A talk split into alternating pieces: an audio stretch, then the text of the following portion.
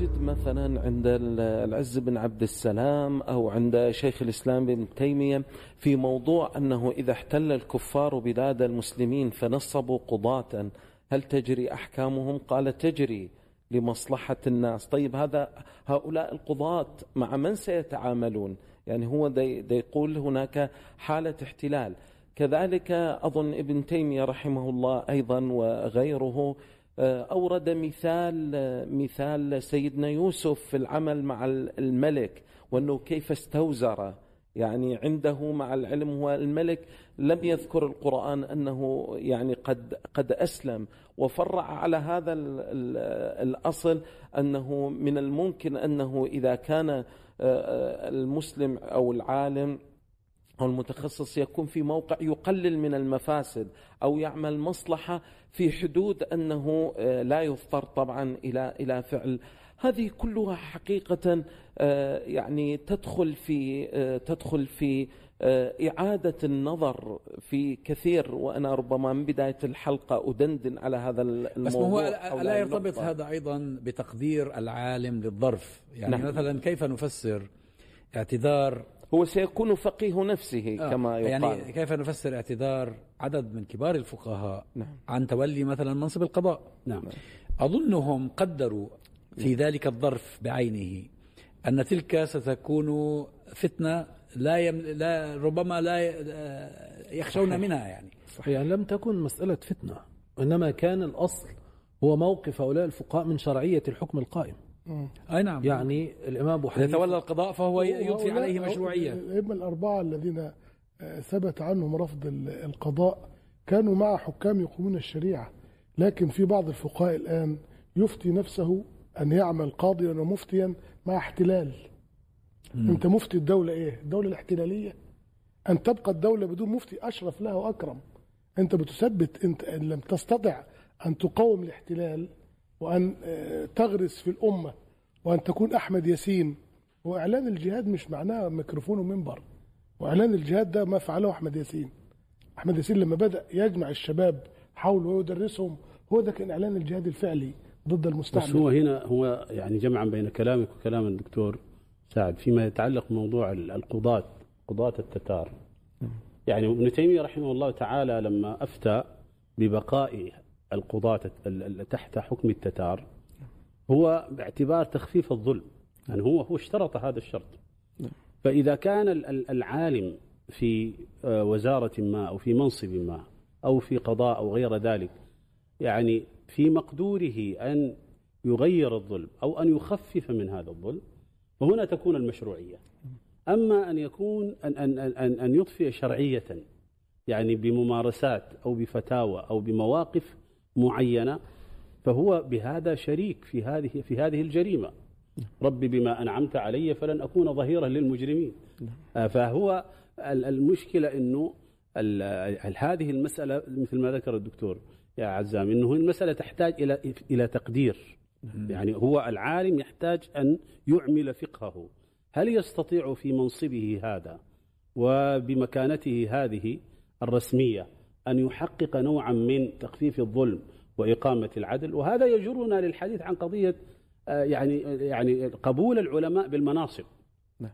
يعني هنا يعني هذه جزء هذا مسألة طبعا العزوف عن هذه المناصب يعني أنها تكون شاغرة ل آه، يعني لمن ربما لأهل الفساد. لأهل الفساد. نعم. فهي المسألة في تحتاج إلى إلى إلى نظرة فقهية. وتحتاج لكن في النهاية مردها إلى الفقيه نفسه نعم. وإلى تقدير الواقعة. نعم. آه، أنا حقيقة هو آه، كما ذكرت يعني أنا ربما أختلف مع دكتور حاتم في قضية أن الأئمة الأربعة آه، لم يقبلوا بسبب المشروعية. أنا لا أعتقد ذلك. وإلا كان يعني كان لم نجدهم قد أنكروا على بقية القضاة. لم نجدهم قد أنكروا. لكن هم لألمعيتهم في ذلك الزمان. ولأن الناس تعرفهم من هو مالك من هو أبو حنيفة من هو.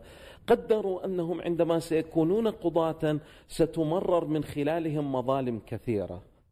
ف بس هو أبو حنيفة ولا نجدهم ينكر على القضاة في زمانهم حتى من العلماء والقضاة لا هو في, في هذه زمانهم. المسألة آه الإمام مالك موقفه في مسألة شرعية بيعة يزيد بن معاوية. معروف. وقد أفتى بأن عندما سئل عن حكم بيعة يزيد وقد أخذت من الناس بالإكراه فقال مالك في مجلسي عندنا أن طلاق المكره لا يقع وبسببها أوذي مالك, مالك، نعم. وهذا معناه أنه يشكك في شرعية الحكم لمحمد النفس الزكية. أن ثورة محمد النفس الزكية. أبو حنيفة ذاته كان له تلميذان من تلامذته أخوان شقيقان. ذهب أحدهما للمشاركة في ثورة محمد النفس الزكية والآخر إلى قتال الروم. وعندما عاد إلى العراق خرج أبو حنيفة فاستقبل العائد من ثورة محمد النفس الزكية ولم يستقبل الآخر. فلما سئل قال لمقامه أحب إلي من مقام أخيه. فهؤلاء الأئمة كانوا قادة للثورة على محاولات توريث الحكم بدون شك.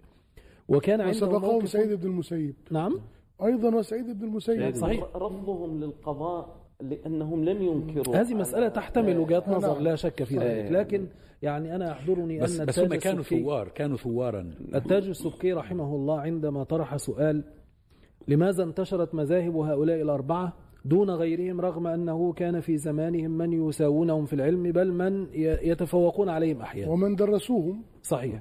وانتهى بعد تأمل دقيق لهذه المسألة إلى أن هؤلاء الأربعة على وجه الخصوص كان فيهم سمتان. السمة الأولى أنهم امتنعوا تماما عن ممالأة الحكام. وإنه كان لهم مواقف صارمة من حكام زمانهم. وتحملوا في سبيل ذلك نوعا من اضطهاد الحكام أو من ظلم الحكام ومن جورهم. ومن ثم التف الناس حولهم. ال- ال- الأمر الثاني أن تلامذتهم قاموا بهم. نعم. لكن كان المعيار الأساسي في انتشار مذاهبهم الموقف من الحكم. أنهم كانوا مستقلين عن الحكم تماما في نقطة هنا دكتور حاتم. ولو قارنا الحكام الذين وقف أمامهم الأئمة الأربعة. لا وجه للمقارنة بحكام هذا الزمن لا ده الحكام أيامهم كانوا أولياء. ما لا وجه يعني للمقارنة أولياء ويقيمون ال- ال- العدل ويحمون الثغور وينشرون الإسلام ويقولون لا ينتقص الدين ونحن أحياء لكن عندهم مشاكل شخصية أو آه، توسعات آه، آه، قبلية أو من هذا القبيل. لا هو برضه هو ال- البعد عن النموذج. الناس كانت ما تزال آه، حديثة نموذج عهد بنموذج رائع راقي. يعني من عهد النبوة عهد رسول الله صلى الله عليه وسلم ثم عهد الخلفاء الراشدين ثم يأتي ما وصفه الحسن البصري بأنه قتل الشورى. أنا ظننت إنه إنه الوقت الطويل ده سيجعلنا ننتهي من الموضوع وربما كنت سأقترح عليكم نناقش موضوع آخر لكن يبدو أن الوقت ينسحب منا ولم نكمل الموضوع وأنا عندي قضية جد خطيرة في هذا الأمر. طيب شيخ محمد خلي السمة الثانية يكملها. هو ما أكمل- أكمل السمة. لا, لا، أكملها. أكملها. أكمل السنة قال إن تلاميذ تلامذتهم قاموا بهم. الطلاب والتلاميذ قاموا, قاموا بهم. نعم. فالأمر الذي أريد أن أؤكد عليه هنا أنه دائما لكل فعل ردة فعل. فالتطرف في حب آل البيت قابله النواصب. والمعتزلة قابلتها المرجئة. ولما ظهرت الطوائف والعلماء الذين يقدسون حكام الجور ظهر في المقابل داعش. صحيح. في الناحية الأخرى. تيار الخوارج الذي- عبر التاريخ نعم يعني. كفر الحاكم والمحكوم. هي ظاهرة الخوارج فعلا. نعم. هي ظاهرة هذه- الخوارج. هي امتداد الذين يعني كفروا علي بن أبي ممتدة. طالب. آه. آه. كفروا علي بن أبي طالب رضي الله عنه وأرضاه. فنحن الآن أمام شقي رحى في منتهى الخسة الفكرية. ال- ال- المرجئة الجدد الجامية والخوارج الجدد الدواعش. وعلينا أن نقيم ميزان الحق والعدل في إبراز النموذج الذي تفضلت به اللي هو نموذج الإمام الصابر الصامد الثائر إمام أهل السنة والجماعة أحمد بن حنبل. وتتم لما تفضل به الدكتور حاتم. هؤلاء الأئمة الأربعة كانوا يقولون العلم لليث والشهرة لمالك. ليث بن سعد إمام أهل مصر. عندنا منطقة في مصر إلى الآن اسمها الإمام الليث. وأغلب سكاننا لا يعرفون النسبة إلى من. يقول لك الإمام الليث وخلاص. يعني هو افتخرهم الإمام الأسد. لكن لا يعرفون أنه هذا إمام أهل مصر. يبقى ال- ال- ال- ال- الشهرة لمالك والعلم لليث. لكن الأئمة الأربعة هؤلاء لو خصصنا أكثر سنجد أن الإمام المبجل أحمد بن حنبل إذا أطلق في أي بقعة من بقاع العالم الآن لفظ إمام أهل السنة والجماعة لا ينصرف إلا إليه. صحيح. ابتداء في حين أنه أبو حنيفة إمام أهل السنة والجماعة قبل أن يولد أحمد. كويس؟ ومالك كذلك. والشافعي أستاذ أحمد. فهو أستاذ له. لكن هذا اللقب خص الله به الإمام المبجل أحمد بن حنبل لأنه أكثر الأئمة الأربعة تحقيقا لنموذج الوقوف مع الحق وأن يكون الأمة ولو كان وحده. حالة الصمود. صحيح. صحيح. نعم. وهذا يعني هذا الشرف آه، يعني يعني ليس للإمام أحمد فقط وإنما لكل من وقف مثل موقفه يعني في مع, مع تقادم الزمان. يعني آه يعني مثلا ال ال ال خذ على سبيل المثال العلماء الذين آه وقفوا مواقف مشرفة في عصرنا الحديث. العلامة أحمد شاكر رحمه الله رحمه تعالى. الله. بمواقفه. آه يعني الأستاذ الإمام حسن البنا رحمه الله تعالى بمواقفه. آه خذ سيد قطب رحمه الله تعالى بمواقفه. قل, قل مثل ذلك يعني في العلماء الذين آه بارك الله تعالى في مواقفه. أحمد شاكر يعني من الأشياء التي قرأتها أنه كان في زيارة إلى بيت الباقوري. أيام كان الباقوري وزير الأوقاف في حكم جمال عبد الناصر. وفي مجلسه عند الباقوري وكان الباقوري يجمع كبار العلماء وضح, وضح للمشاهدين يا دكتور حاتم عشان إحنا عندنا أحمد شاكر وعندنا محمود شاكر فكثير حتى من طلاب طلابنا بيخلطوا بين الأمرين. هو الشيخ أحمد كان آه، قريب من الباقوري وبعدين هو في مجلس الباقوري سب جمال عبد الناصر. والباقوري سكت. نعم. ونقلت لجمال عبد الناصر انت عارف دبة النملة كانت بتنقل. صحيح. فقابله جمال عبد الناصر بعدها قابل الباقوري أيوه فقال له يا شيخ أحمد مش تبقى تحفظ أهل بيتك؟ فقال له أهل بيتي محفوظين والحمد لله. فبعدها بأيام قليلة أقاله من الوزارة وقعد في البيت ست سنين اعتكف في بيته. يعني كان يمنعه من صلاة الجمعة. إيه؟ يمنعه من صلاة الجمعة. صحيح. آه. وبعد كده كان ليه موقف لما آه، الشيخ شاكر قبلها لما الراجل نعم. الحاكم عرض ب آه، بفاروق. نعم. لما قال ما ما قصة رجل أعمى لما قال جاءه الأعمى نعم ما عبس وما تولى. إذ جاءه الأعمى. نعم. قال يمتدح بها فاروق يعني. لما جاء طه حسين. إيه فلما لما التقط حسين فقام الشيخ في المسجد وقال أعيدوا جمعتكم فإن إمامكم قد كفر. كفر. صحيح. نعم. يا سلام. نعم. وقام فصلى بالناس ظهرا وأعادوا هذه الصلاة. وفاروق بالمناسبة عزل هذا الإمام من منصبه. لا ورطه. ورطه ورطه. وحقيقة المرحلة القادمة في اعتقادي لو استشرفنا يعني من خلال المعطيات الحالية سنجد أنه آه، القضية الآن أصبحت أكبر حتى من الحكام والأنظمة. في قضايا ما يراد أن يفرض في العالم العربي والإسلامي من قوانين جديدة. يعني هي قوانين تأتي من فوق كما يقال. يعني أكبر حتى من الأنظمة وستكون. حتى لو تعرف الأنظمة تماما وأنا متأكد أن هذه الأنظمة تعرف تماما أنها لو لم تفرض عليها آه، لما عملتها لما تعمل من لب من بلبلة وإشكاليات ربما هي في في غنى عنها مع مجتمعاتها لكن ستفرض عليها. هنا حقيقة يأتي دور آه، المؤسسات العلمائية الجماعية أن تستشرف مثل مثل هكذا مثل هكذا أمور. الأمور الآن تصل إلى كما يقال آه، إلى غرفة النوم إلى الأسرة. يعني إلى الأسرة يعني القضية هي ليست فقط آه، يعني كما كانت في السابق معاهدات خارجية واتفاقات هنا وهنا. لا الأمر الآن متعلق بأبسط يعني يعني من حقوق الطفل وأنت صاعد. فالقضية الآن كما يعني إن صح أن نسميه المنكر العالمي يعني لم يعد المنكر محليا يعني. اذا العبء كبير جدا على العلماء الآن. نعم. هذه أخطر مرحلة في تاريخ الأمة ينبغي على العلماء أن يتحملوا فيها مسؤوليتهم. نعم. الشيخ محمد كان يتحدث عن الإمام أحمد بن حنبل. الإنسان الحقيقة يتحير ممن ينتسبون إلى الإمام أحمد ويدعون أنهم يحملون مذهبه. وينتسبون إليه فقها وفكرا. وينتسبون إلى ابن تيمية. وإلى ابن تيمية. وهم ينتسبون إلى أحمد في كل شيء. آه. وإلى ابن تيمية في كل شيء إلا في ثورته على ظلم الحكام وجورهم. هذه ليسوا فيها لا حنابلة حتى حتى عندنا في في فتاوى آه، دور الفقه الرسمية عندنا. يقيمون الدنيا ولا يقعدوها وينكرون فقه الشيخ الإسلام ابن تيمية. لكن الفتوى اللي معمول بها يفتوا بها في في الطلاق. يأخذون برأي الشيخ الإسلام. يأخذون طلاق بل الثلاث. حدث أمر آخر. كان قبل ثورات الربيع العربي كان معروف اليوم العالمي للتدخين. كان حدث يومها أنه المؤسسات الدولية الطبية قالت آه، في هذا اليوم سنراقب الأداء الإعلامي لكل الدول ونشوف إيه أفضل دولة قدمت برنامج أفضل دولة ضد التدخين. نعم ضد التدخين. آه، أفضل دولة عملت إعلان فأذكر إنه مصر كانت عملت برنامج وخد من أفضل البرامج عالميا وكانت ماليزيا أفضل إعلان.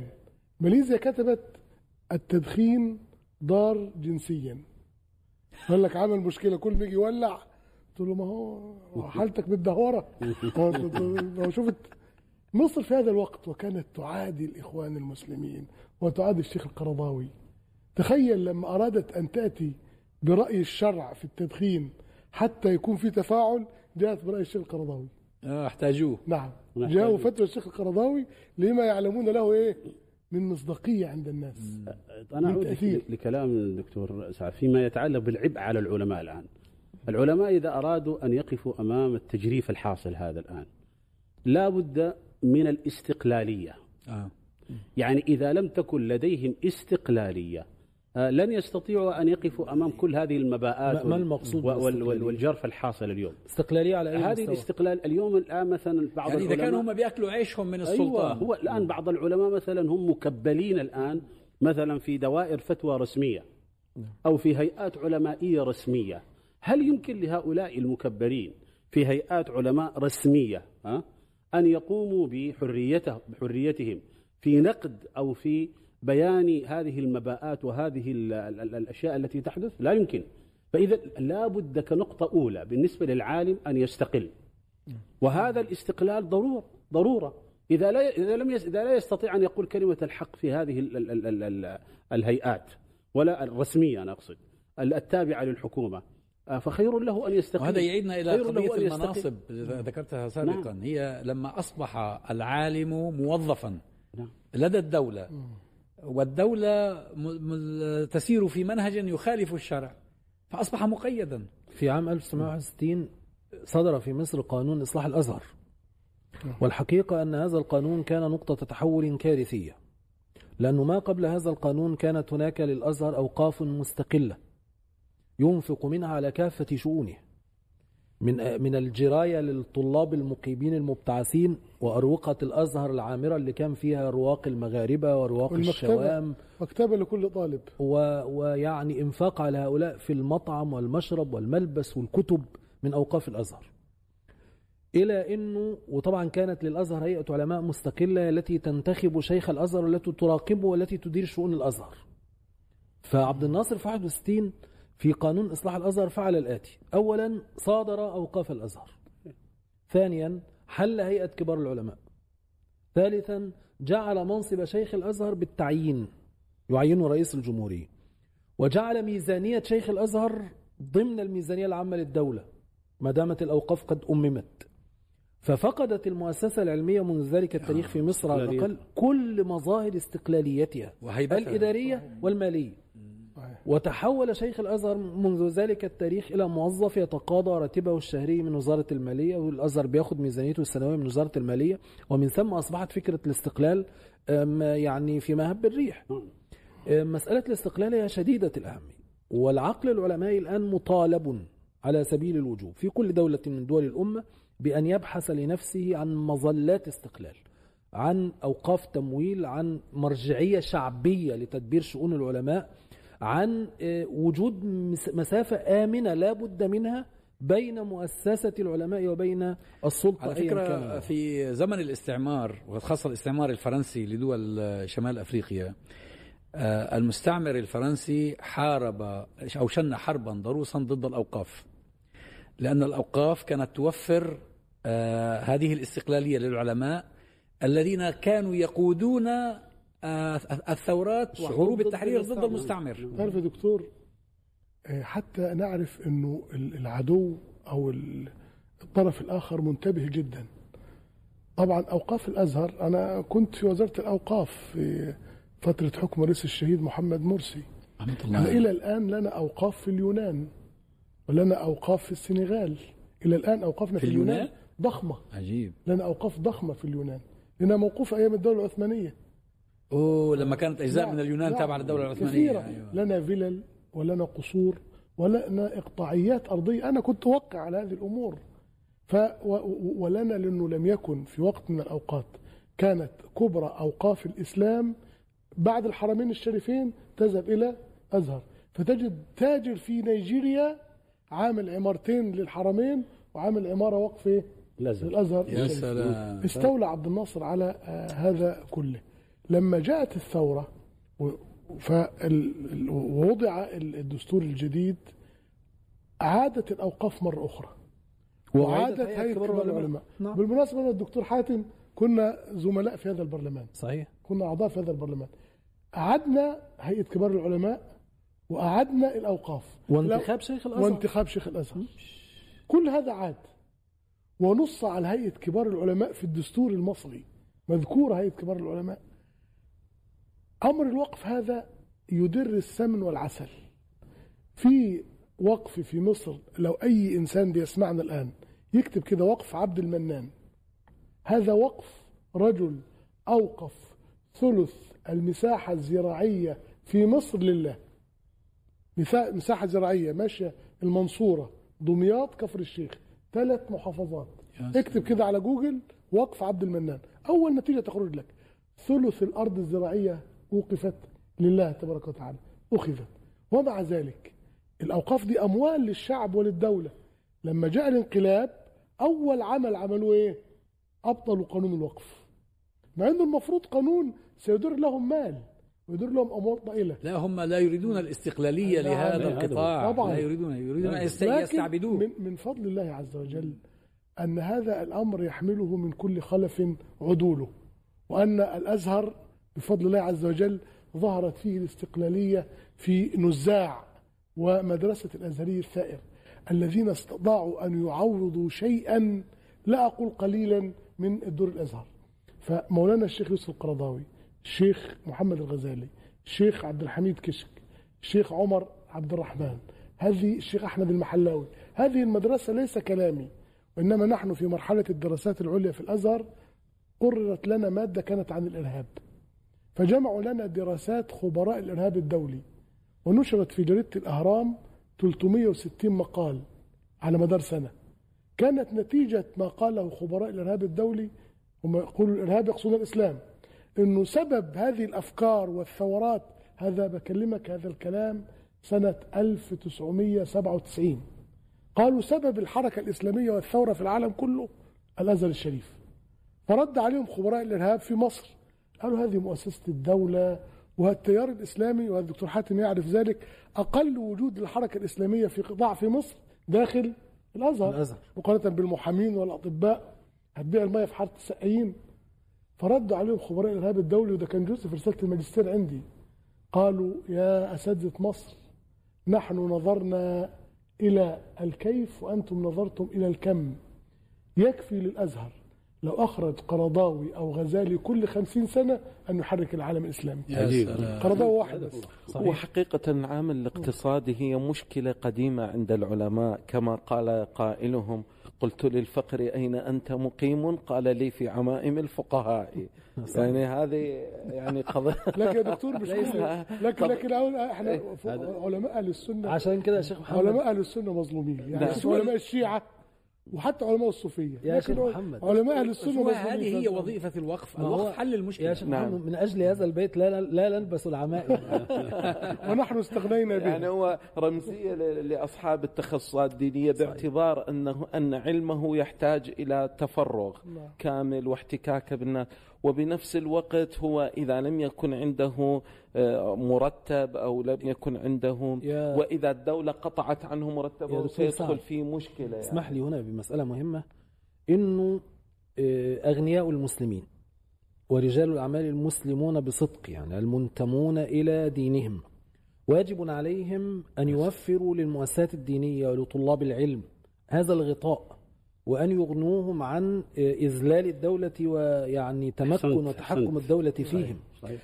الأمة آه، يجب أن تكون أقوى من الحكام والأمة عندها أدوات تستطيع بها أن تنتزع شيئا من استقلاليتها واستقلال الأمة مرهون باستقلال علمائها. فإذا كان العلماء بخير فجسد الأمة بخير وإذا مرض العلماء مرضت الأمة. وانت انت أنت أشرت إلى قضية أساسية غائبة عن كثير من يعني من من الموسرين والأغنياء. يتشجعون لكي يوقفوا اوقافا مثلا مساجد وطلاب علم وكذا. ثم ينسون العلماء.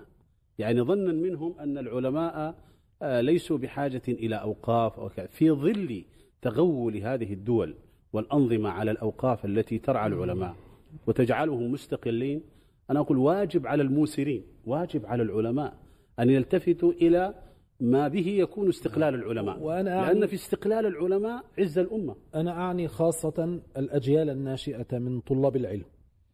آه، الذين ربما يمرون أو, أو نشأوا الآن في ظروف قاسية في الأمة كلها. وينبغي على آه، المال الإسلامي الصادق وزكوات المسلمين أن تكفل هؤلاء وتضمن لهم أن تتم تنشئتهم العلمية تنشئة صحيحة على العزة وعلى الاستقلال وعلى وفرة الكرامة لأنه لا يمكن لطالب علم يعمل عاملا في الصباح أن يكون مجيدا لعلمه في المساء.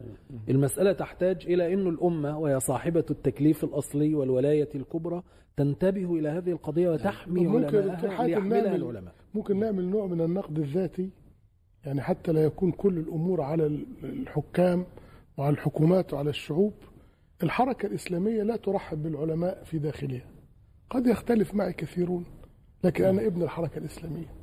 العلماء الذين لهم استقلالية داخل الحركة الإسلامية غير مرحب بهم. هي نظام آخر الحركة طبعاً. الإسلامية. هي الحركة الإسلامية شابهت الحكام في كثير. هنا نحتاج إلى حلقة.